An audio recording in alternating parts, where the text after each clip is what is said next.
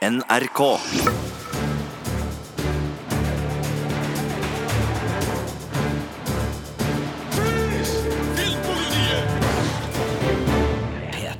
Velkommen til Filmpolitiets podkast. Det er så trivelig at du har lasta ned akkurat vår podkast i mylderet av podkaster der ute. I studio i dag, Sigurd Vik, hallo, hallo. Hallo, Martensa. Hallo. Hallo. Uh, ja, Uh, jeg er ganske fornøyd med uka som har gått, bortsett fra at uh, kinopremierene denne uka er ikke sånn veldig kjempespennende, akkurat. Nei, vi må vel si det at um, det er ei litt skuffende kinohelg, men det er noen lyspunkt inni der, og dit skal vi komme. Men det gjør at det føles veldig riktig å starte på det som var lyspunktet denne uka, og det er en serie. Eh, Det er bare 30 minutter vi har fått sett, men Jim Carrey kom tilbake til skjermen denne uka i komiserien Kidding, og den har vi kosa oss med.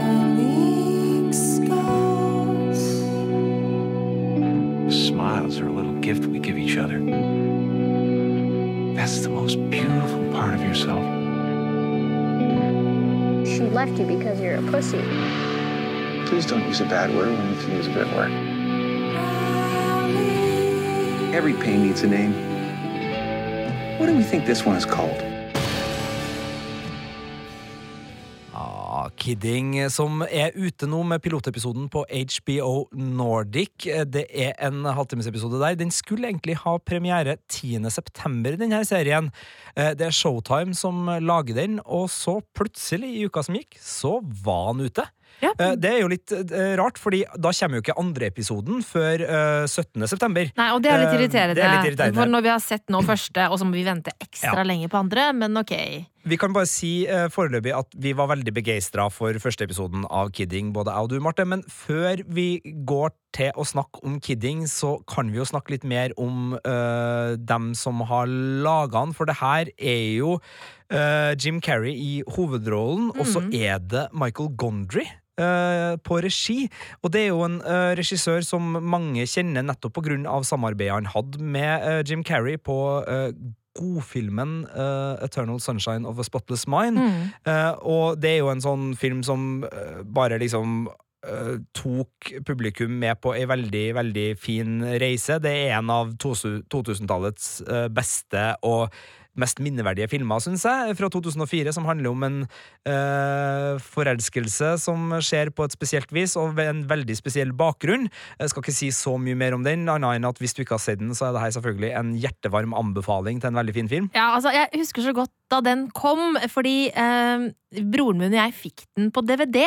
Eh, fordi det var en tid hvor vi, vi, sånn- vi hadde sett Ace Ventura-filmene, vi hadde sett eh, Liar Liar, og det var eh, Cable Guy, og det var Dum og dummere, og det var så mye hysteriske komedier. Og så tror jeg vi fikk den fordi det var Jim Carrey, og så ser vi den, og så bare hva faen er det her? Var liksom det, det, man, det vi liksom tenkte i starten. Eh, men så etter hvert som vi begynner å se det, så, så er det jo noe som gjør så utrolig sterkt inntrykk. Eh, og den filmen er jo bare helt fantastisk. Så jeg er, veldig var i forkant gira av at, av at det samarbeidet der eh, nå er, blitt serie, da. Ja, jeg tenker sånn, Hvis vi skal si litt mer om uh, Eternal Sunshine of, Spotless, of The Spotless Mind, så, så, så den er en sånn indiefilm som jeg putter i litt sånn samme eh, fine, litt sånn duse velurdøffelbag sammen med filmer som Garden State, som Donnie Darko, som The Royal Tenbounds og egentlig alt av Wes Anderson, og eh, flere av denne type filmer som, som har en sånn eh, dus, ektefølt sårhet, kombinert med et veldig skarpt blikk og en veldig god historie og en fiffig fortellermåte og en veldig sånn stilsikker måte å presentere historien sin på. Og jeg syns jo den er helt fantastisk. Vi skal jo ikke drive og snakke om den. Vi kan nevne også at Gondry han er jo en øh, musikkvideomann. Eh, det var der, der han kom fra. Han har, han har så mye kule musikkvideoer på, på på, på CV-en sin med, med spesielt da Bjørk. Eh, altså Bjørk sin storhetstid, alle de kule videoene han uh, laga for Bjørk da, men også eh, White Stripes og, og mange andre han har gjort kule ting på. Og så laga han jo en litt sånn artig film som het Human Nature i 2001, som uh, har vel han godeste Uh, er det Riz Iffens han heter? Han som er Ja. i uh, Notting Hill og er roomien til Hugh. Grant. Uh, ganske, ganske artig der. Og så kom da Eternal Sunshine of the Spotless Mind, og, og da sammen med, med Jim Carrey. Uh, men uh, dem to er da med på det her, og så er det Dave Holstein, som er serieskaperen, som også har jobba på blant annet uh, Weeds. Uh, en ganske artig sånn eh, den serien som før Breaking Bad handla om det å Mm. breake bad, eh, men med mer humor og mindre, mindre storslåtthet. Eh, og også The Brink, som er en eh, sånn humorsatireserie som jeg ikke var så begeistra for, som hadde Jack Black i, i hovedrollen, som, som handla om eh, litt sånn eh, Litt à la Dr. Strangelove. Litt sånn eh, rød atomknapp, uh, paranoia-humorthriller. så, så han har gjort ting jeg liker og ikke liker, men, men det, det han gjør i starten av Kidding, syns jeg er, er veldig fint. Mm. Men Jim Carrey Jeg frykta kanskje at vi ikke skulle få se så veldig mye mer av han. Han har liksom gått litt under radaren. Som du sier, starta jo Han var jo verdens største entertainer i 1994 med Dum Dummere, The Mask og Ace Mm. Ventura 1, som var liksom bare Altså, Det var så kreativ raptus og så fantastisk at man, man kunne jo liksom ikke se for seg noe annet enn at det her var verdens artigste mann, og, og alt var bare gull og grønne skoger. Så har han jo opplevd opp- og nedturer etter det. Gjort veldig mye ø, seriøse roller, som da for eksempel Eternal Sunshine, men ikke minst også da Man on the Moon, Mm. ø, True Man Show. Han har gjort en del sånne Ja, smarte Truman Show filmer. er en sånn fin kombo av, eh, av komedie og veldig seriøst dramaskuespill. Så Ja. den, den er jeg veldig glad i. Og han har den, den dualiteten, og han har også Mm. gjort et par julefilmer. Grinch, Ja, og ja, ja, han har vært gjort så Lemmy Snipp. Ja, han har gjort sinnssykt mye. Og også litt sånn teite komedier, sånn Ja. eh, Yes Man Ja, yes, og men den er trivelig, den Ja, Jeg er liker. Yes Man. men en variert karriere ble det, og så ble han liksom mer og mer en litt sånn tilbaketrukken rolle, selv om han fremdeles Mm. Han gjorde ting. ut. Meldte seg litt ut, og det var flere ting her, uten at vi skal være sånn slaveprogram, men altså, han har jo vært, uh, opplevd en del personlige eh, tragedier, rett og slett. Det har vært Mm. dødsfall i, i, rundt den. Han er vel uh, selverklært deprimert, og har vel Ja, vært Jeg tror han har en mer heavy lidelse, en psykisk lidelse enn det. Han, jeg husker ikke akkurat, men han, er, han har slitt ganske mye psykisk. Ja, jeg vet ikke mer enn depresjon, Ja. men det, det er i hvert fall Mm. eh, det, Han har hatt, eh, hatt det litt tøft der. Og så er han jo også, eh, for dem som syns at eh, sånne ting er, er verdt å merke seg, så, så har han vel også vært litt sånn mot vaksinasjon. Ja, det er Eh, på en den- sånn Ja, det, og så det Det er er noen den jeg ikke vil vite om, den delen av Jim Carrey. Det er det, sånn- det er den eh, Tom Cruise er scientolog. ja, uh, Jim. Carrey er vaksinemotstander. Men Ja. uh, folk er forskjellige, og folk har ulike uh, årsaker til at de ender opp der de er, og det, det har vi full respekt på. Men jeg, men jeg frykta at han var litt på vei ut. Og så, så kom han tilbake for min del veldig i den dokumentaren som heter så mye som Er det eh, Andy and eller noe sånt? Ja, noe sånt? Beyond uh, Ja. ja. det, det var i hvert fall en dokumentar som kom i fjor, som handla om uh, innspillinga av uh, Man on the Moon-filmen, der han spiller Andy Kaufman. Og det uh, er vel en dokumentar som godt kunne ha kommet ut tidligere, men den kom aldri ut tidligere, for den er jo filma underveis da, da den filmen ble filma. Men det er en veldig, et veldig ærlig og nært portrett på hvor utrolig hardt inn i sitt arbeid Jim Carrey går, Mm. og hvor uh, langt han er villig til å ta det. Og da er det også filma i nåtid, hvor han sitter som en fortellerstemme. da, Og uten at det ble sagt nødvendigvis nøyaktig, så bare følte jeg at det var en sånn uh, en slags sånn Nei, dere kommer ikke til å se så mye mer av Ah, meg. At det var en sånn slags siste farvel Nei, fra ikke, Jim det var liksom? ikke så alvorlig, men det bare, det bare føltes som at han, han var på vei til en annen plass i, i livet sitt. Han satt der med fullskjegg, Ja, skikkelig sånn, og, og, og snakka om det. Og så begynte det å komme litt sånne her politiske tegninger. Uh, dukka opp litt i, i min bevissthet. Jeg vet jo at han, han gjør mer enn jeg får med meg, men så, så dukka det liksom sånn tegninger av Trump og litt forskjellig sånn. Og så uh, Jim Carrey skal spille i en ny komiserie. Mm. Michael Gondry skal ha regi. Uh, den skal hete Kidding. Den skal handle om en barnebok øh, Nei, en, en barne-TV-stjerne øh, som øh, har litt trøbbel på privaten. Mm. Og det, det er jo ja, kjempespennende. Uh, bare sånn før vi går til Kidding, hva er din absolutt favoritt-Jim Carrey-film, Marte? Og det er, det er sinnssykt eh, vanskelig å svare på, at det, eh, det har vært så mange forskjellige filmer opp gjennom eh, forskjellige faser i livet. Eh, for eksempel, jeg var helt ekstremt hekta på Ace Ventura 2 en periode. Den så jeg eh, eh, andre juledagspremiere på Trondheim kino. Dobbeltfilm. Jeg så den og Golden Eye. Eh, det var en veldig fin eh, dobbeltkombo. Jeg Det var sånn festpremiere. Da hadde Nova kinosenter i Trondheim akkurat åpna. Ja, Eh, så det var, ja, det var og jeg var skikkelig drittunge. Kom meg liksom, så jeg og en kompis eh, gikk vel på eh, barneskolen her, ja. Ja, ja. Eh, vi kom oss dit, og var først Og da husker jeg James Bond hadde sånn eget potetgull, så vi hadde kjøpt det der egne Ja, James. Bond uh, Golden Eye-potetgullet. Og så var det Ja. da. Først Ace Ventura 2, og så. Golden Eye. Ja, den, den er bra. Jeg var Den bra. ekstremt opphengt i den i, lang tid. Men, men så er jeg også så, Det som på en måte egentlig kanskje ja, var det et lite sånn komisk comeback med Med mm, Altså gudefilmen, altså hva i all verden heter den? Uh, Bruce Almighty. Ja. Den synes jeg var veldig artig. Uh, men hvis jeg skal velge en favoritt, um, så har jeg er veldig glad i Truman Show, jeg. Ja. Jeg er veldig, veldig glad i den. Den har jeg sett så mange ganger. Hvis den går på TV, uh, og jeg eh, tilfeldigvis eh, på en måte bare switcher gjennom, så blir jeg sittende og se på den hver gang. Eh, Den er jeg veldig glad i, eh, for jeg liker den der blandingen av drama og komikk. Men så er jo Eternal Sunshine in the Spotless Mind også helt fantastisk. Men det, den, som, som liksom Jim Carrey, figuren Jim Carrey, hvis du skjønner, Mm. eh, så tror jeg kanskje jeg må si Truman Show. Ja. Jeg driver og elle-melle nå mellom Man on the Moon og Dum og dummere. Ja, Man on the Moon, Man on the Moon den, den så jeg da den gikk på Kanal Pluss back in the day. Jeg tror sånn jeg lurer på om det var da jeg gikk på kan det, Var det ungdomsskolen, kanskje? Um, og eh, jeg husker sånn Da skjønte jeg ikke helt hva det var jeg så på, fordi det var så far out. Ja. Uh, men jeg syntes det var veldig gøy. Uh, men den tror jeg jeg må se igjen, for den har jeg ikke sett siden den kom. Ja, den bør du se igjen. Mm. Ja, den, eh, 99 kom den, så det kanskje til Ja. Norge da, 2000. Så, ikke sant? Ja. Mm. Uh, nei, uh, Cable Guy òg, vet du. Den, Cable den, var- den var jo så uglesett i sin samtid. Jeg husker og, den var liksom Me, ikke Myself and Irene er jo Ja, den også dritkul! ja. Den er, ok. ja, det er så mye. Vi det er veldig vanskelig liker å velge. Ja, Ja. eh, Selv om eh, han har noen eh, quirks, eh, så, så er Jim Carrey en fin fyr. Og det er jo det som eh, møter oss i, i Kidding òg. det er Jim Carrey som er den store hovedpersonen. Han har vel også sjøl skrevet ei barnebok, som kanskje ikke egentlig er ei barnebok, men det, det er et eller annet veldig riktig med den rollefiguren han eh, gestalter i, i eh, Kidding, som, som er da Mr. Pickles. Mm. eh, rollefiguren Mr. Pickles, som er en sånn Sjunkel-Rolf, holdt jeg på å si. Altså, han er en sånn legendarisk barne-TV-onkel som ah, 30 år med barn har liksom sittet og sett på hans dukkeshow. Litt sånn Sesame Street-aktig greie.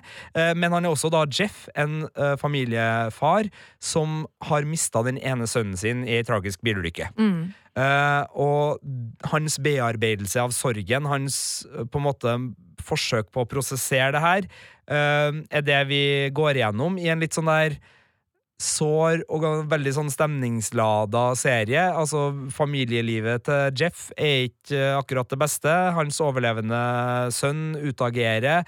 Eh, hans eh, kone har tatt ut separasjon. Han bor i en liten leilighet og er veldig trist, samtidig som han opprettholder fasaden og Ja. får liksom ikke Får ikke den der katarsisen. Han får ikke åpna seg eh, i jobbsammenheng. Han må liksom fremdeles være den der nesten sånn reklameaktige Mr. Pickle som Ja. bare skal være shiny happy og, og være sånn, da. Og jeg syns det er så fint, fordi eh, det, det barne-TV-programmet han har, handler, virker det som, da, i, i, i, med den første episoden, mye om eh, det at barn skal lære å snakke om ting, og lære å sette ord på følelser. Eh, så han har en sånn måte å snakke på som han hele tiden gjør også til sin egen, sin egen kone og sin egen kid.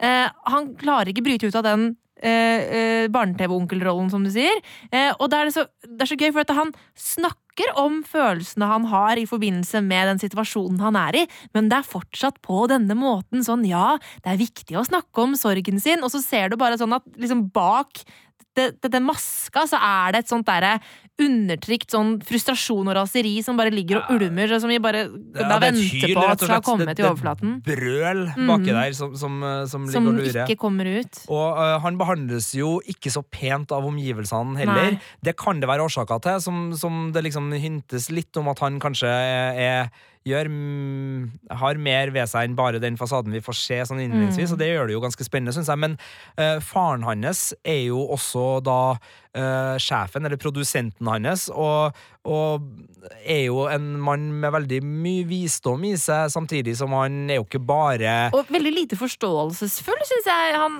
Ja, eller Jeg- veldig forståelsesfull. Det er det som er så vanskelig å vite. Altså, Er det her en fyr som bare tenker på seg og sitt, og som liksom egentlig ikke liksom vil ta inn over seg problematikken, eller vet han at uh, her må vi liksom Ja, dette er det her- sønnen ja, min her- trenger. Det her er det sønnen min Mm. trenger. Det her må jeg gjøre øh, jobb litt rundt. Altså han Sebastian, som rollefiguren heter, øh, spilles av øh, Frank Langella, som er kjent for øh, i det siste, da, blant annet sin rolle i The Americans, hvor han spiller eh, håndterer av sovjetiske agenter. Men han er en lun, gammel fyr som det liksom oser klokhet. Han har spilt en del roller hvor han er ganske ufordragelig også, men Mm. han, han har en eh, sympatisk side som jeg umiddelbart blir veldig hekta på. Eh, og han har en del sånne visdomsord som eh, for eksempel når han snakker om det å Altså Det å åpne seg og det å revne i sømmene trenger Ja. ikke nødvendigvis å være så langt fra hverandre. Mm. Altså Det er en del sånne Grensa mellom å klare å snakke om noe og bare det å bare renne ut og bare rakne, den er veldig fin, da. Ja, jeg tenker, altså den, den serien her, den er ikke redd for å være smart. Altså, den er ikke redd for å si veldig smarte ting, den er ikke redd for å vise veldig vonde ting, den er ikke redd for å vise hvorfor det er så vanskelig å prøve å være ærlig i situasjoner hvor det eh, selvfølgelig trengs ærlighet, men Mm. at ærlighet kanskje er det, det vondeste som kan komme. Altså, det, det er det, det, legger opp til så mye fint her, som, som jeg liksom ikke Men den gjør ikke med sånn uh, pompositet. Det er ikke sånn at det er liksom sånn Og så starter vi det, og så starter vi det, og så legger vi inn det. Altså, det, bare, det ligger bare i, i stoffet. Altså I teksturen av den serien her så ligger det i rollefigurene så ligger det så mye nyanser og så mye, så mye godt at jeg, jeg kjenner at jeg blir umiddelbart hekta. Altså, serien her var bedre enn jeg tursa å håpe på. Eh, Det er ikke sikkert at serien blir god, vi har bare sett 30 minutter, men, men den pilotepisoden her var bedre enn jeg torde å håpe på. Jeg, Mm. liksom sånn, ok, Jim Carrey, Michael Gondry eh, sånn Når vi begynte å få e-postene om at det her skulle skje, så var jeg litt sånn her Snakk om fallhøyde, da. Ja. Uh, sånn, det her Åh. Men, men det her var jeg, jeg hadde ikke sett for meg den serien her. Og jeg ble veldig begeistra for, eh, for, eh, for stilen den tok. Og så har den jo også en, en barneskuespiller, eller to barneskuespillere. Ja, ja Eh, er, det, er det to? Nei, altså, nå tenker jeg Eh, på jenta og gutten. Ja, ok, ja, okay fordi For det er Cole det barn Allen spiller, uh, spiller uh, Will Pickles, sønnen til Jim Carrey, og så er det da tanteungen til Jim Carrey også, som, som er en skikkelig rå lita jente. Ja. Ja, det er, ja, det er enig. Det er noe gull, de barneskuespillerne der. Både i bare væremåte og hva de finner på. To rebeller, egentlig. Ja, Eh, veldig sånn uh, autentisk egenrådig. Ja, Uh, det, det, det virker liksom ikke tilgjort når de er, er litt sånn tverr. Men nei, ikke sant? Og at de er uh, tverr for en grunn. Ja. Eh, som også kommer igjennom veldig fint. For det er en aggresjon Mm. som ligger under her, ikke bare i, i Jim Carreys rollefigur, men det, det ligger det, Det er mye undertrykte følelser. ja, og det, det er en sånn her fasadeundertrykkelse. Mm. Altså det er en veldig sånn uh, Serien her fanger opp noen fasader som liksom er sånn Du kan ikke gjøre sånn, du må passe på, du må være sånn, du må være sånn. Altså Det er noen sånne regler for fasade Mm. som, som legger lokk på ting. På flere plasser i serien. Det er nesten en, en litt sånn tematisk uh, gjennomgående sak. Og, og så merker vi at det klør under de Mm. lokkene uh, på ulikt vis. Altså Enten det er med den lavmælte stilen til Jim Carreys rollefigur, eller det er mer uh, bokstavelig talt en- den litt mer sparkende sønnen, så, så, så, så er det noe her som, som ligger og, og trykker. Så, samtidig så ser jeg jo at det er en serie som bruker mange av de klisjeene som indiefilmpublikummet liker så godt. Altså Ja. Her har du outsidergjengen som er henger på kirkegården. Altså, Ja. sånn. så, det, så jeg merker jo at jeg, jeg, jeg glemmer jo helt å være kritisk mot de Ja. klisjeene som jeg sjøl har liksom lagt, jo, for, det, er lagt til mitt forskjell, Da. det er forskjell på klisjébruk. Uh, du, du kan bruke klisjeer, og du merker at det er en klisjé, og det er ødeleggende for det som skjer. Og så er det bruk av klisjeer som på en måte bare glir fint, og som du ikke tenker over fordi det gjøres på riktig måte. da. Så det å liksom bruke vante elementer og sånn er ikke nødvendigvis alltid negativt, hvis det fungerer. Nei. Jeg skal stille et spørsmål som er litt vanskelig, kanskje, men, og som kanskje ikke gir noe mening, men er det her en Altså, jeg, jeg tror hvis jeg hadde sett den serien her, hvis jeg var i en sorgprosess, Mm. så hadde den kommet til å pirka Ah, ja. ja, det tror jeg. veldig det i noen. Jeg ble rørt, jeg ble rørt ja. bare av den. Altså, jeg, jeg tok til tårene Mm. Uh, når jeg så den pilotepisoden et par Mm. plasser, fordi den den, ja, den, den vrir til den der uh, gjenkjenneligheten. Selv om man ikke har vært i sånne situasjoner, så, så blir man, man, man får en veldig følelse av det. Mm. Eh, s- det, det gjennomgår, og, og den griper utover bare på en måte den konkrete hendelsen som utløser sorg der. Den, den treffer liksom sorg. Ja. For, fordi han som barneprogramleder uh, snakker jo liksom om det der sånn Hvis du har opplevd vonde følelser, så Og det, det er noen sanger her, og det er Mm. noen liksom håndteringer. Jeg hørte bare i det lydklippet vi hørte i starten av podkasten her, og den der uh, måten han snakker om at et smil er det Altså, det, det Mm. er noe sånn ja, Nå kjenner jeg nesten det trykker på igjen. Det er noen sånne fundamentale menneskelige følelser som han griper inn her, som jeg tenker at øh, Ja, jeg vet faktisk ikke om jeg hadde klart å sitte gjennom de episodene her hvis jeg hadde hatt noe i livet mitt som, hadde, øh, Ja. som jeg hadde drevet og prosessert sjøl. Jeg tror det på en måte blir en sånn slags eh, katarsis-effekt. Ja, det. Sånn som øh, Å, nå skal jeg begynne å grine. Fordi Og nå blir det plutselig sånn veldig personlig her, men jeg så for eksempel This Is Us-serien like etter at faren min døde. Og det, ikke sant? det blir jo en sånn katarsisprosess å se noe som treffer så hardt. Eh, og selv om det kan være vanskelig og vondt, ehm, og at du sitter og griner mer enn for bare det som skjer på skjermen, så er det òg samtidig litt godt, liksom. Eh, Ja. Så jeg tror nok den kan ha den effekten. Eh, Spesielt hvis du på en måte har mista et barn, for eksempel, eller noen som står der nær, da. Ja, har mista noen, Mm. tenker jeg. jeg, et, ja. Det, den, øh, ja, den har i hvert fall den har i hvert fall det potensialet. Mm. Uh, og det er jo Ja, vi har jo bare sett 30 tenk, minutter. Vi har bare sett 30 Ja. minutter, men, men den har det. Og det er jo ikke noe tvil om at det her kommer til å gå inn i ganske tung materie, og være Mm. i ganske tung materie. Selv om det er en lystig komedie. Ja, og jeg håper at den også. Tør å være komedie, det men- videre. Ja. Jeg håper at, liksom, at det ikke bare pilotepisoden For det hender, det hender av og til at pilotepisoden av en serie er veldig bra, og så sklir det ut litt. Ja. Men det som er fordelen her, er at dette her er jo en serie som er gjennomgående regissert av samme regissør, eh, og det er ofte et veldig godt tegn på akkurat de tingene der. For da, eh, da sånn som for eksempel eh, Big Little Lies, ikke sant? Mm. Den får lov å være i, i den samme stemningen Sharp Objects. Eh, Ja, ikke sant? Mens andre serier kan på en måte Kanskje de første to episodene er veldig sterke, og så Ja. kommer det inn en hel rekke andre regissører etterpå, og så faller det litt gjennom. Ja.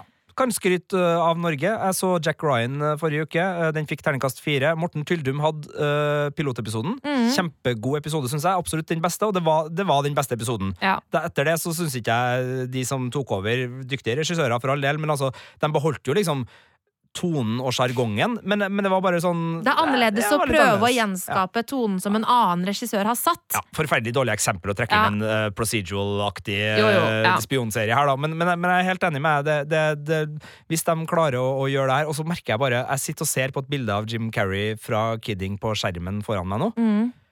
og det er bare Jeg har ikke Altså, det er noe med Jim Carreys levde liv her, da, Mm. som, som går igjennom. Ja. Og som gjør at jeg blir veldig grepet av den rollefiguren der. Og Mm. jeg blir litt sånn Jeg blir takknemlig for at Jim Carrey kommer Tilbake. Og gjør det her. Mm. Ja, og det, Vi snakker jo om det som om det er et comeback. Altså, det er jo ikke sånn at han har forsvunnet, men altså, det, det er et eller annet som Altså, han er i hvert fall mye mer til stede uh, nå for meg enn han har vært på veldig, veldig lenge. Og det er en ja, til tross jeg er ikke enig om med vaksinebit og sånne ting, så, så det er ikke sånn, men, altså, men han har en, en sånn viss klokskap over seg, og en, altså, Ja. han har en vilje, i hvert fall. Altså, jeg føler at han oppriktig vil menneskeheten godt når han kommer med den serien her. Ja. Altså, det er noe sånn ektefølt Mm. uh, formidlingsmessig òg men som, som gjør at det Det ble mye store ord og Å, mye svada Gud, her, men ja, men, men vi folkens, er veldig begeistra, Ja. som dere skjønner. Eh, Sjekk det ut, og så krysser vi fingrene for at uh, Kidding blir så bra utover som vi kjenner på at det er akkurat nå. Ja, det er i hvert fall uh, helt klart helgas eh, beste tips fra oss. Nå skal dere få kinopremierene på løpende bånd her utover i podkasten, og det er ting å, å sjekke ut på, på kino også, men det beste vi kan anbefale av nye ting for helga, er pilotepisoden av Kidding, som ligger på HBO Nordic, og så må vi da muligens vente i nesten to uker på episode to. 17. september frykter jeg at vi må vente, med mindre HBO disker opp med nok en overraskelse, da. Men det her var i hvert fall en, en real godbit sånn eh, på starten av en serie.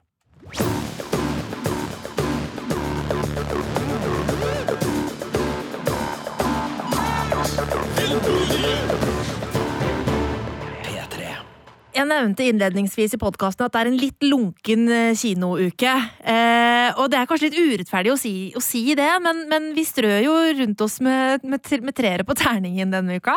Ja, vi, vi, gjør det. Det er fire premierer, og vi kan vel avsløre at tre av dem får tre, og én får fire. Så da vet dere litt hva dere har i, i, komme her. Og, men det er ikke uinteressant, Nei, det uh, selv om vi ikke ble mm. begeistra. Og det er ikke, altså det her er ikke kinohelg jeg liksom ikke ville ha funnet meg en kul film og sjekka ut på kino. Mm. Men um, det er filmer som på hvert sitt vis uh, enten skuffer oss eller i hvert fall ikke makter å begeistre oss, sånn som vi kanskje hadde håpa på. Og skal vi da starte med den norske premieren, Marte, som du har vært og sett? La oss gjøre det her.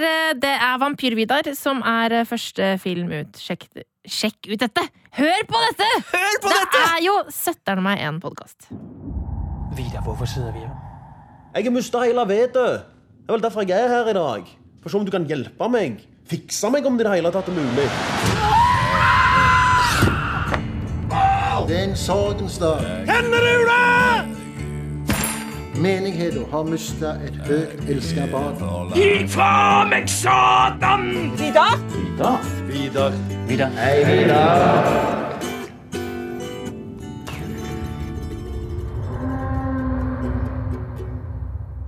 Ikke hver eh, dag at norske filmskapere tør å satse på eh, smal eh, sjangerfilm med en vri. Eh, men det er altså blitt gjort med Vampyr-Vidar. Dette her er jo da en vampyrkomedie.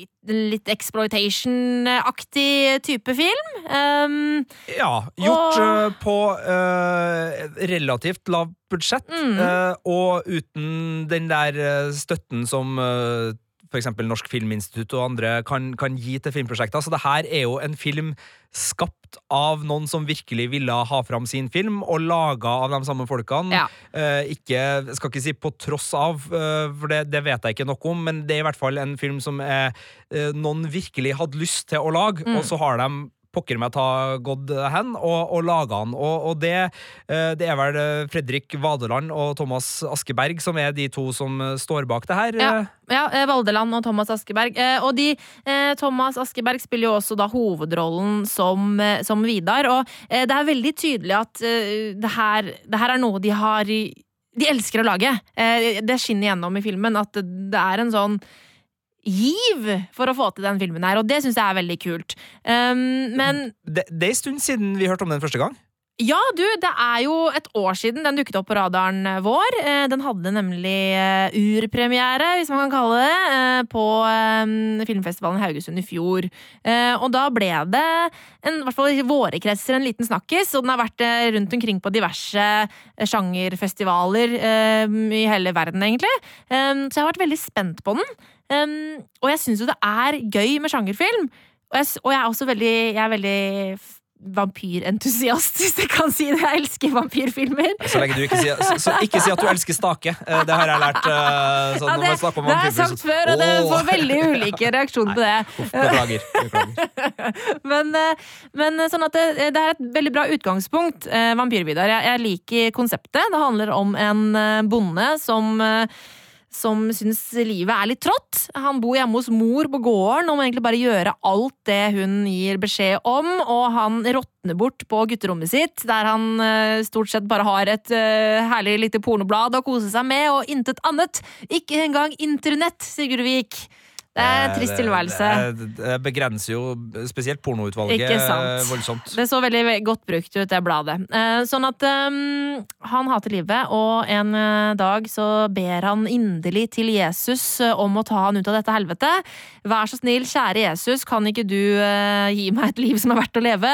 Uh, et liv uten begrensninger, tror jeg det han sier. Fylt av kvinner og sex og alkohol og festing og alt det som man måtte begjære. Ja, og, og allerede der så merker jeg jo at uh, filmen gjør i hvert fall uh, ikke det uh, som ville ha vært vanlig. Altså, det er ikke Jesus man ber om akkurat de tingene Nei, fra. han er- Eh, det så desperat kanskje, er han. ja, det tilhører kanskje litt annen del av i hvert fall den der fromme Jesusfiguren som Ja. man gjerne kjenner igjen. Så er jo liksom uh, sex og sprit og, og sånn ikke det som uh, Altså, det er noe brød og vin der, Ikke men eh, hvis man Mm. vil tolke brød, brød og vin Men her ligger jo da altså selvfølgelig da en stor dose av humoren i Vampyr-Vidar, nemlig at jo, Jesus han er velvillig til denne bønnen, for Jesus er nok ikke den fromme personen eh, Bedehusforeninga liker å tro. Han er en slags eh, eh, Gud og Satan i, eh, i herlig forening, og eh, er en eh, horebukk, bokstavelig talt, eh, som elsker å drikke og imponere kvinnene med at han eh, forvandler vann til vin og herjer rundt eh, med horer og alt mulig rart. Som da gir uh, Vampyr-Vidar en litt annen tilværelse enn det han kanskje hadde trodd, men han får jo i hvert fall uh, sine bønner uh, svart på, da. eh, I en slags da vampyrtilværelse. Så eh, Jesus svarer på Vidars bønner og gjør Vidar om til vampyr, og Ja. blir en slags wingman eh, der de Yes. farter rundt omkring og Ja. gjør uh, syndefulle ting i lag. Yes, Det blir litt Ja. sånn Stavanger uh, syndenes by-opplegg. Eh, Ja, nei, altså, det, det er jo ikke en forferdelig idé. Nei da, jeg synes det er en artig idé. Eh, Ja, det, Samtidig så er den Den, eh, ja, den, den var ikke øh, veldig komplisert. Nei, men, nei men jeg tenker jo med en gang når jeg, jeg har ikke sett uh, hele Vampyr-Vidar Uh, Jeg får en sånn i hvert fall sånn, I utgangspunktet så fikk jeg en veldig sånn Tommy Wirkola, Mm. eh, Kill Buljo-vib. Altså der man, eh, man opererer innenfor sjangere, mm, samtidig som man harselerer både med sjangeren og med eh, de temaene man tar opp. Altså en, en veldig løs i snippen, veldig uhøytidelig og veldig sånn fri og, og eh, fuck you-type filmsjanger, hvor Mm. man egentlig eh, går for drøyt og grovt, og, og helst også da poengtert. Ja. Og helst også da treffsikkert. Eh, Og det er jo der jeg lurer på hvordan er liksom eh, humoren og, og liksom brodden i Vampyr-Vidar, og eventuelt eh, det den liksom sparker litt borti. Hva, hva, hva er det som rører seg der? Det er der det faller litt gjennom for meg. fordi det er en del artige elementer i Vampyr-Vidar, men eh, Og det er jo for så vidt, selv om jeg ikke syns det er sånn kjempeoriginalt, så er det jo funny at Jesus er en synder. Um, men det blir litt for platt for meg når på en måte hele greia begynner med at uh, når, du, når du skal få, eller motta, uh, Jesu legeme og Jesu blod, så er det ekstremt konkret, da. uh, Med Jesu brød, for å si det sånn. Og det, det blir liksom Det blir litt for platt. Eh, Og så bærer det litt preg av at her har vi en eh, sekvens som eh, er som en liten sketsj. Her har vi en annen sekvens som er morsom, og så er de på en måte bare sydd det sammen. eh, uten at jeg syns det blir Det blir ikke bra nok. Det blir ikke liksom poengtert nok. Um, og så- men der jeg syns de, de klarer å få det til, er akkurat med den der frikirke Kritikken av frikirkemiljøet, da, og liksom sånn den derre hyklerske predikanten, ikke sant, Eh, som sitter og liksom roper ut at 'jeg har kontakt med Jesus', liksom, jeg har Han sier det og det, og så, vet, og så liksom vet jo vi at det har han jo virkelig ikke. Eh, Jesus er der borte, liksom. Eh, men Eh, og så er det en del sånne artige eh, situasjoner hvor veldig kristne mennesker eh, forteller om deres forhold til Jesus, og at 'Vidar, du må bare ta Jesus inn i ditt hjerte', og liksom alt mulig sånn, og så vet jo vi hvem Jesus virkelig er i filmen. Sånn at det, det er en del humor der, eh, men eh, det jeg sliter litt med, er at i for mange scener så puttes det bare grovhet opp eh, på lerretet, og så skal vi le av det. Eh, at det kommer en pung på skjermen. Det er ja, du kan le, det er, men det er ikke automatisk funny bare fordi det er pung, liksom. Er Ikke det, og uh, jeg syns jo det var litt artig, for du brøt jo ut mens du, du satt og skrev anmeldelsen på den her, uh, og du skrev det vel også i anmeldelsen at du har liksom ikke lyst til å være den Nei, det kritikeren så som, kjedelig. eh, som Jeg, jeg har jo Jeg har jo slakta, hvis jeg skal si det, da, eh, smal sjangerfilm før. Eh, Det var eh, med Kurt Josef Vagle og mordmysteriet på Hurtigruta. Der trilla jeg terningkast to. Um, fordi Du er enemy of fun, du vet det. så, ja, Altså, så nå blir jeg enemy liksom of enemy of fun, men jeg, jeg er jo Jeg kan elske denne type film. Um, men det holder Men liksom sånn for, Altså, bæsj, bare at det er bæsj, det er ikke morsomt. Bare at det er kuk, er ikke automatisk gøy. Altså, det må være noe mer, da. Eh, Så jeg syns ikke det eh, liksom ja, slo hardt nok i uh, Vampyr-Vidar. Nei. Så det er eh, Det du mener at den ikke liksom leverer på, er, er eh, å ha eh, gode nok poeng, og Mm. eh, poeng som er komponert godt nok til at de virkelig uh, fungerer, og, og det svinger av dem. Ja. Altså at det blir litt for mye eh, åpne dører og litt for enkle Ja. virkemidler for å, å få eh, den litt plumpe humoren uh, Sette den litt i, i førersetet. Skjønner jeg det riktig? da? Ja, det er riktig. Eh, og Det er jo mange som liker det, da. Ja da, det er veldig mange som liker det, og det er altså jeg, en- jeg bare kan jo si med en gang, jeg ender på en terningkast tre på Vampyr-Vidar. Altså midt på treet. Um, og det er mange som kommer til å elske denne humoren. Det er, eh, det er mange som kommer til å se den her på en søndag og bare flire seg i hjel, liksom. Um, så, og, det, og det kan jeg godt forstå. Uh, men det er bare Jeg, jeg syns ikke det var så gøy. Jeg lo ikke, eh, sier Marte Henstad. Uh, eh, jeg må bare spørre, fordi jeg har også sett en del eh, kanskje mer reindyrka, for det her er jo en skrekkomedie. Men jeg har Ja. sett en del norsk skrekkfilm som rett og slett sliter med at eh, det er ikke bra nok laga. Altså, du, Mm. du får en sånn, et snev av amatørfilm over seg. Uh, det er kanskje et par av de filmene som ikke burde ha vært på kino. Altså, det, Mm. det er enten uh, produksjoner med et såpass lavt budsjett eller laga av folk såpass tidlig i karrieren at det, det burde kanskje ikke ha tatt Ja, altså- ser Vampyr-Vidar bra nok ut? Altså, fungerer den på kinolerretet? Visuelt, ja, så gjør den det. Det syns jeg. Men jeg tror dette hadde vært en jævlig kul kortfilm.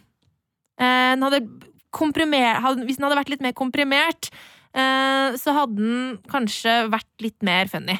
Eh, for sånn som det blir nå, så, så blir det på en måte for langt mellom det som faktisk er morsomt, og så blir det litt den derre 'her er det en sketsj', 'her er det en sketsj'-feelingen. Og så er det også samtidig det prøves å det har blitt prøvd å måte legge litt dybde i Vidar, med at han sliter med at han har jo blitt et monster, eh, og liksom er han den onde nå? Eh, men det liksom, det går aldri dypt nok, da. Og når man prøver å liksom lage en rollefigur som er mer enn et eh, flatt ark, og ikke får det til, da faller det litt gjennom. Sånn at da kunne de heller på en måte kanskje rendyrka eh, Happy go lucky, Vidar. Yes, Eh, istedenfor å prøve på noe dypere som man ikke får helt til. da. Eh, og det hadde kanskje man klart å fjerne hvis det hadde blitt en kort, kortfilm. Eh, du er allikevel, eh, ser jeg i anmeldelsen her, eh, glad for at den lages, og, Ja, og er jo håper at eh, modig, ikke sant? folk som fortsetter å lage Så det er derfor det er kjipt å bare gi den terningkast tre. Fordi jeg heier jo på de folka her. Jeg heier på at det lages sånn her film i Norge. Eh, og jeg håper, jeg, jeg håper at eh, vi får se mer fra den duoen her, for det, eh, det er jo helt klart at de har jo noe. Eh, så jeg håper at eh, min, min treer på terningen ikke ødelegger, da. Time vil show, Marte Time Henstad. vil show. Vil eh, show.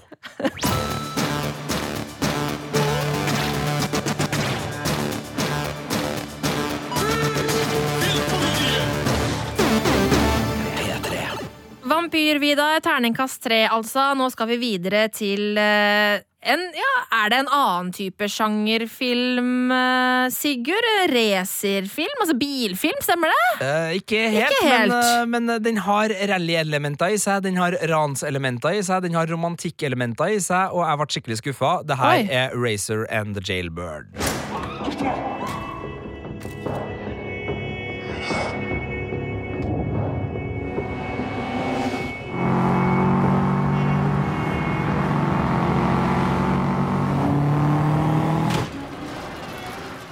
Ja, Ja. bilkjøring. Eh, bilkjøring og litt raning. Altså, det her var en film jeg gledde meg litt til i, når jeg satt på, på pressevisninga. Hadde bevisst prøvd å unngått å, å lese så mye om den, for jeg visste at det var uh, den belgiske regissøren uh, Michael R. Roskam som uh, hadde laga det her, og han Sist film jeg så fra han, var The Drop, som er en ransfilm lagt til Boston, så vidt jeg husker, eh, med James Gandolfini og Tom Hardy i eh, hovedrollene. Og det her var også James Gandolfinis siste rolle. Mm. han gikk jo dessverre bort for noen år siden, eh, selveste Tony Soprano Ja. her. Eh, men det var en film jeg eh, ga en sterk femmer til. Det var en film med et filmspråk som begeistra meg. Det var en ganske seig ransfilm, samtidig med et veldig eh, eh, stilsikkert og effektivt eh, filmspråk.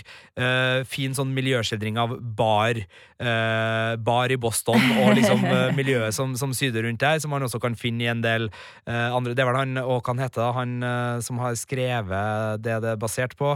Det er eh, og den, er det Dennis Leihan han Å, nå ble jeg Jeg har ikke peiling. Og nå må jeg sjekke det ut, vet du, for å Sjekk ikke bare si, si feil her.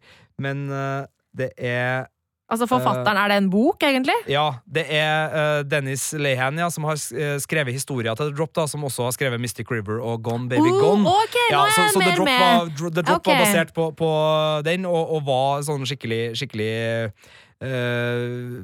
ja, ja, det var, det var en Det var knallfilm, saker. rett og slett. Eh, og jeg trodde jo at jeg hadde noe sånn kanskje lignende i, i vente med Racer and the Jailbird, fordi det var liksom en film satt til det belgiske racingmiljøet, hvor en vakker kvinnelig rallysjåfør forelsker seg i en sjarmerende bankraner, og Mm. så er vi liksom der. Og den første litt sånn ja, tre kvartersdelen av filmen er ransfilm. Ja, Eh, og det er og, og altså, racerfilm, selv om det forsvinner litt racerkjøring. eh, Det, det var et problem, syns jeg, okay. men, men den ligger liksom i det miljøet. Foregår vel så mye liksom etter racet, på liksom sånn drikke litt champagne og snakke litt under teltene og rundt, eh, rundt bilene. Men, men det var en kul film, og en litt sånn der Bonnie and Clyde-aktig romansefilm, fordi det er denne her eh, romantikken som, eh, som eh, blomstrer mellom, og nå følger med navnene, bankrøveren Gigi og rallysjåføren Bibi.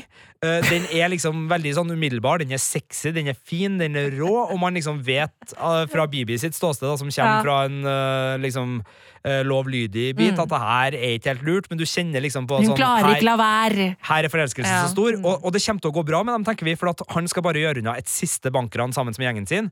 Og så skal de eh, flykte fra Brussel til Argentina, og alt skal bli så fint. Altså tradd sjangerfilm, og, og med mye kule ransekvenser. Blant annet en, et bilbasert uh, pengetransportran som er skikkelig sånn her å, ja, ja, ja, ok, det her, var, det her var elegant og raffinert og en god miljøskildring fra det ranet.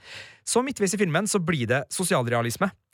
Og ø, hvis du ikke vil vite noe som helst nå, så beklager jeg, da må du nesten bare hoppe fram et lite minutt. Men altså, det som skjer, er en rekke personlige tragedier som rammer rollegalleriet vårt, og som sender dem ut i en grusomhetsgrøt av en annen verden. Men- altså, det, det blir bare helt forferdelig, Marte. Men altså, kan ikke det, altså, er ikke, kan ikke det være bra? At man blir overraska, at det er en twist? At det liksom Å ja, du trodde det skulle gå bra, men så skjer Altså, Absolutt. Hvorfor syns du ikke at det funker? Fordi rollegalleriet er ikke bygd for uh, den ø, dramatikken og den nerven og de ø, moralske implikasjonene som ligger i den delen av filmen, og, og i det hele tatt Det er heller ikke rollefigurer som er bygd opp til at sympatien min er med, og, og det skurrer og gnager veldig i en film, fordi de her ø, valgene de tar utover da, etter hvert som tragediene rammer dem, er av en sånn sort at hvis sympatien din ikke er der, så sitter du egentlig bare og tenker sånn her Nei, men nå må jaggu politiet komme på banen Å, her ja. og få deg altså, Du heier det- ikke på, Nei, man, man eh, slutter heltene. egentlig litt å, å, å bry seg, Ja. for de gjør så mye rart. Men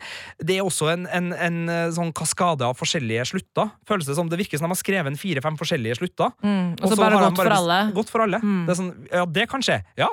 Eh, og så kan det skje. Ja, det er også ganske godt. Ja, begge deler. Og så kan det skje. Skal vi ja, ja, ja, bare ta alle? Vi tar, vi tar alle. Og, det, og det, det fører denne filmen inn til, Altså, det blir en veldig ufokusert Ja. uh, dramatriller Uh, i siste, Istedenfor en kul sjangerfilm. Ja, Uh, og uh, Ja, nei, jeg syns virkelig ikke at eh, eh, at eh, Roskam lykkes denne gangen. Altså Han har gode skuespillere, han har et ålreit manus eh, som ikke holder helt ut, men som, som starter godt, men, men han bare han bare får ikke til. Altså, han får ikke benytta rallymiljøet godt nok. Han får ikke utnytta spenningen i, i romantikken godt nok. Han får heller ikke utnytta uh, den der grusomme skjebne kan ramme alle-tematikken. Uh, og han får heller ikke utnytta det at rollefigurene hans ender opp med å bli skikkelig forferdelige mennesker, fordi at han har egentlig aldri etablert det at vi skal bry oss om moralske valg. Altså, her dør politifolk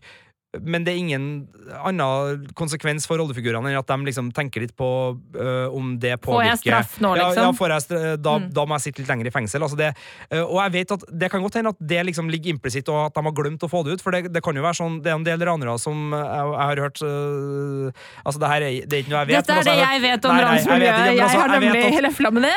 det er av og til så forklares raneres manglende sympati for politifolk som blir såra eller går med, øh, kontra sivilbefolkning eller andre, at øh, politiet velger å være der. Og ved at politiet velger å øh, respondere på en ranssituasjon, så blir de en del av spillet, på en måte. Og du har da- valgt å bli politi. ja, det er en risiko politi, du har du tar. å, du har valgt den Mm. risikoen sjøl, så derfor så har jeg i enkelte settinger hørt liksom ransmenn si at om politifolk dør, det er ikke det som på en måte rammer oss hardest. Det er mye verre hvis noe annet skjer. Altså, vi, vi, øh, altså, det, altså, det rangeres på en måte, da. Eh, liv. Eh, og her dør det veldig mye politifolk, uten at noen liksom ofrer dem en tanke. Og vi skal liksom fremdeles drive og heie på de her menneskene som bare får en sånn body count som går oppover, Ja. oppover, oppover. Og den merker i hvert fall jeg at lugger veldig. For, Ja, jeg, jeg, for de, det- når- de gjør så mye forferdelige ting. Ja, for en ting er, hadde det, hadde det vært bad guys som bare bodycounten gikk oppover oppover, så hadde det vært greit, men siden det er Tilfeldige politifolk. Ja, så, og de ikke reagerer, så får ikke du noe sympati for helten. Nei, altså det at på en måte det er ting de tenker at er helt greit fordi kjærligheten deres skal, skal leve videre. Uh, altså, jeg trenger et eller annet der som Ja. viser meg hvordan mennesker det her egentlig er. da. Altså, For filmen svarer på en måte ikke altså, Er det her helt kaldblodige mennesker? Ja, altså, Er det her helt forferdelige mennesker? Eller er det bare det at de er så lidenskapelig forelska at de ikke enser den biten? Mm. Altså, filmen glemmer å, å gi meg de der små dryppene av forståelse Ja, underveis. Fordi og da det jo- blir det Ja, det er jo mange filmer og serier hvor det er eh, antihelter som gjør grusomme ting som vi likevel heier på, fordi vi forstår hvordan de tenker og hvordan de føler om de forskjellige tingene. Mens problemet ditt her er at det her gås ikke inn på noen ting, så vi vet ingenting, og derfor blir det irriterende, eller blir et problematisk element, liksom. Ja, det blir et, et hull, rett og slett, der, Mm. som, eh, som uh, filmens da siste del sk så gjerne skulle ha hatt, hvis den skulle ha klart å liksom fått meg med. For jeg, for jeg, for jeg ender opp apatisk når det gjelder rollegallerier. Rett og Ja, og jeg ender opp med å sitte der her og ikke bry meg. Nei. Og da, da funker Da kan du like godt skru av filmen. Nå har jeg snakka veldig mye om en film som jeg egentlig ikke anbefaler folk å fære og se, med mindre de er veldig interessert i enten regissøren, skuespillerne eller sjangeren. Eh, Jeg syns rett og slett eh, Razor and Jailbird var en skuffelse, men den er ikke så dårlig at den havner ned på toeren. Men det er en svak, svak treer for meg. Og det er svakt òg, ja. Svak treer. Dæven døtte.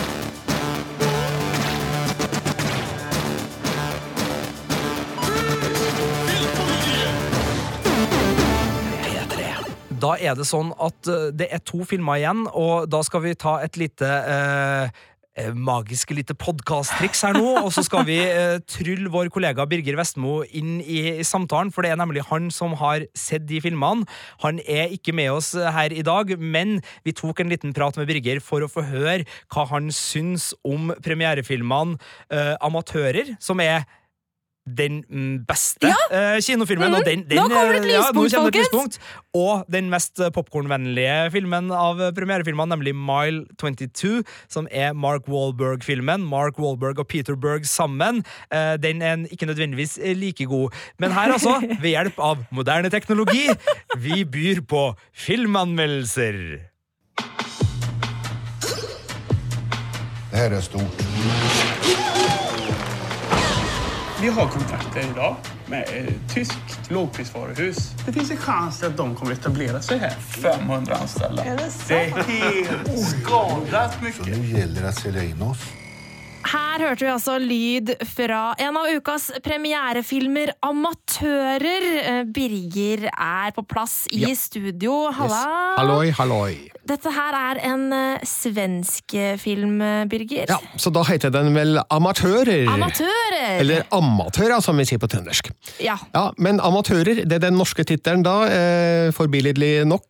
Greit med en direkte oversettelse for en gangs skyld. Eh, en film av Gabriella Pisler, som debuterte for ca. fem år siden med Spise, sove, dø, som ble en suksess, i hvert fall hos kritikere den gangen, og vant flere Gullbaggepriser i Sverige. Um, hun beveger seg litt i samme terreng nå, for det handler om den svenske landsbygda, eller en sånn bitte liten by, da, eh, et sted litt utafor allfarvei. Uh, og det handler om økonomiske nedgangstider, og hva man gjør da for å prøve å komme seg litt opp og frem. Ja, eh, Den spise, sove, dø, eh, den tar vel for seg sånn arbeidsledighet og, og sånne type ting. og er, ja. Det er jo en mer alvorlig film, men jeg var inne og sjekka på, på Amatører, og det står at det er en dramakomedie. Er det en mer lystig film enn Spise, sove, dø? Ja, på mange måter så er det det, for eh, det blir en del komikk ut av denne lille kommunens forsøk på å gjøre seg lekk sikre for storkapitalen her. For det handler da om en liten kommune som heter La Fors, som ikke fins, men eh, et bilde da av en sånn typisk liten svensk kommune. De hadde en gang en blomstrende industri, men nå er arbeidsplassene flytta ut av landet. Og så er det en tysk lavpriskjede som melder at de kanskje er interessert i å etablere seg da i La Fors. En tysk lavpriskjede! Ja, som vil bety massevis av nye arbeidsplasser, ikke sant? Ikke sant. Men det er en konkurranse her da, mellom, eh, mellom La Force og en eh, naboby. Eh, så hvordan skal man prøve å gjøre seg lekker? Jo, de bestemmer seg for å lage en reklamefilm.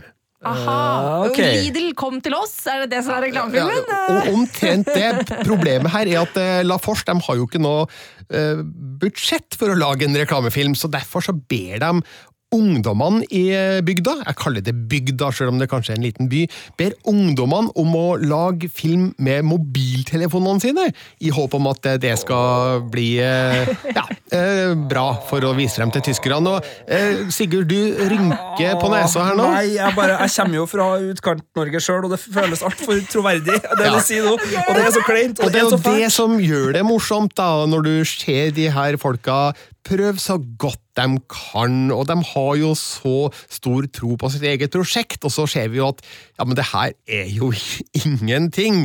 Men det er morsomt og interessant å følge de her eh, folka og deres vei fram mot en mulig suksess. Hvem vet? Jeg skal ikke avsløre noe her. Litt sånn ufokusert mot slutten og eh, en avrunding som ikke virker helt sånn troverdig og sannsynlig, men det er mye morsomt på veien, og um, Gabriella Pisler forteller historien med mye energi og en, en nærmest anarkistisk fortellerglede, skriver jeg i anmeldelsen min. Men uh, for oss som er glad i jævla fuckings kuk-Åmål, uh, altså, hvordan funker en sånn, sånn Utkant-Sverige-greia? Ja, jeg husker ikke helt detaljert fucking Åmål, for det er så lenge siden jeg så den, men jeg innbiller meg at vi er på akkurat samme sted. Altså, det er Utkant-Sverige, der eh, man er usynlig og anonym for storby-Sverige, men de prøver så godt de kan, og det er et fellesskap der som har de beste intensjoner. Så jeg tror at det er også mange i Norge som vil dra kjensel på en del eh, beskrivelser da, i denne filmen, som har gitt eh, en god firer på terningen. Amatører, altså. We fight new wars. The old options, military, diplomacy, they don't always succeed. Sometimes you need a third option. That's Overwatch. According to the government, we do not exist. The ghosts. But we are very real, and we get shit done. Det skal handle om action, som du kanskje hørte nærmere bestemt. Mile 22. Birger, du har altså sett eh, denne filmen som har premiere i dag. Mark Walberg får kjørt seg uh, igjen. Han gjør det, og Marte og Sigurd, dere kjenner meg. Dere vet at jeg er glad i action. Ja. Jeg er glad i vold, og det skal gjerne sprute blod. Altså på kino, da. Ja, og litt på kontoret, men det kan vi snakke om senere. Det kan vi gjøre. Eh, men så har jeg jo da skjønt, eller av og til så skjønner til og med jeg, at det trengs noe noe litt mer enn bare vold på film. Ja, Tenker du på en historie og et ma godt manus og sånn, eller? For eksempel. Ja. Og eh, jeg kan ikke helt si at Mile 22 har det. Eh, Det handler altså da om en eh, gruppe CIA-agenter av den tøffere sorten, som Mark Wahlberg er lederen for. De får i oppgave å frakte en agentavhopper i et ikke navngitt asiatisk land gjennom noen ganske farlige gata over en strekke på 22 miles. Å ja, selvfølgelig! Eh, Derav tittelen Mile 22. eh, Mens det her asiatiske landet, som vi da ikke får navnet på, eh, sin egen etterretning prøver alt de kan for å få agenten sin tilbake. Så her er det 22 miles, som er, jeg fant ut, tror jeg, 35,4 kilometer.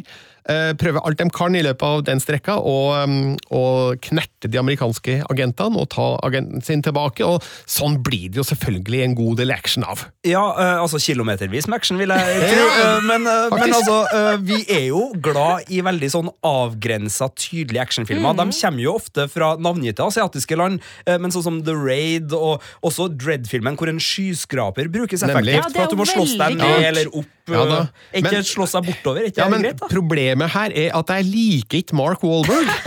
altså, eh, Sånn, sånn, sånn generelt? Nei, altså generelt filmen? så har jeg sett mange filmer der han er ålreit, men jeg Ja. liker ikke Mark Wahlberg i denne filmen. Nei. For han spiller da en sånn uh, usympatisk fyr som kjefter og smeller, og en sånn uforbederlig bedreviter gjennom hele historien. og skjønner ikke hvorfor skal jeg holde med han? Jeg vil jo at han skal bli knerta med en gang. vente på at han skal Ja. bli drept, liksom. Eh, Så jeg føler at eh, historien er ikke interessant nok. Persongalleriet er ikke bra nok, sjøl selv om eh, det er eksempel Ronda Rousey er med, og Terry Kinney, og eh, John Malkovich Ja, han er jo dritkul. Han spiller en sånn eh, overvåker i kulissene her, Mm. men, men eh, det er ikke noe kjøtt på beinet her, det er ikke noen figurer man bryr seg om, og da blir det ganske likegyldig, ja. likegyldig altså. Men actionen, da? Er det liksom Er det noe kul, bare sånn rent visuelt sett, eh, Ja. action som underholder? Det er jo det som er da, at den har faktisk en del eh, skikkelig ålreite actionscener, der eh, regissøren eh, Peter Berg han viser seg som en eh, dreven mann på feltet, og det er masse skyting og slåssing, og det går blodig for seg. Så er man ute etter det, så leverer Mile 22 på voldsfronten, altså. Men den burde hatt eh, noe mer å fare med enn bare det, for at det her skal bli en film som hever seg over røkla. Så derfor så blir det en treer på terningen, altså, til, til Mile 22. Rett og slett. Eh, Et lite spørsmål eh, bare på tampen, for jeg vet at sist gang Peter Berg og Mark Wahlberg jobba sammen, eller Marky Mark, som jeg liker å kalle eh, så var det på en film om Boston-bombene, altså basert på virkelige hendelser. Da klarte allikevel dem å ordne et manus og en film sammen der Mark eh, Wahlberg skulle ha sånne eh, John McClain-one-linere som, som ikke passa inn i en eh, historie basert på virkelige tragedier. i hele tatt, Men det var sånn der Å, dæven, jeg må slutte å røyke, altså! altså han, han var sånn morsom. Eh, Altså, Er Mark Wahlberg one-liner-morsom i denne filmen? Nei. Nei, det er bra. Jeg, jeg kjenner at det, det syns jeg er bra. Så, så ok, så, så kun action egentlig å, å glede seg over her. Ja. Ok.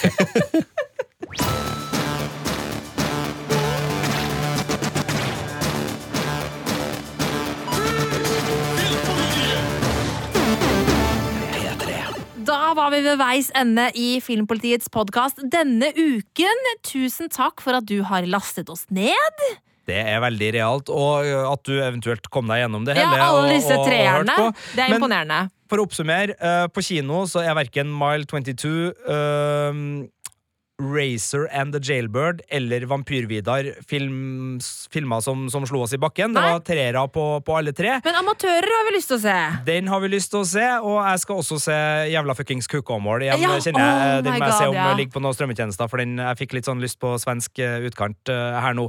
Uh, og så anbefaler vi av hele vårt hjerte å sjekke ut pilotepisoden av uh, Kidding! Kidding. Jim Carreys nye serie. ja, som ligger på HBO Nordic. Eh, Så det er tipsa for denne uka. Eh, Hvis du har eh, ris, ros, tilbakemeldinger eller spørsmål eller kommentarer, så er det bare å sende oss en e-post på filmpolitialfakrøll.nrk.no. Vi er også å finne på Instagram, hvor det er bare å slenge seg med i diskusjonene under anmeldelsene våre eller nyhetene vi legger ut der. Vi er å treffe på Twitter, og vi er selvfølgelig også å lese litt underveis der du finner podkaster. Så hvis du har lyst til å gi oss en rating eller legge igjen en kommentar der, så skal vi nok få plukka opp den også. Vi er kjempeglad i deg for at du gidder å høre på denne nerdete podkasten Ja. vår. Og så sier vi rett og slett god helg. Ja. Eller god mandag, hvis du hører på på en mandag. Det er sånn det Ja, her det er mediet podcast, fungerer. Det er podkast, podcast, vet du. magic. It's magic. Du finner flere podkaster på p3.no podkast.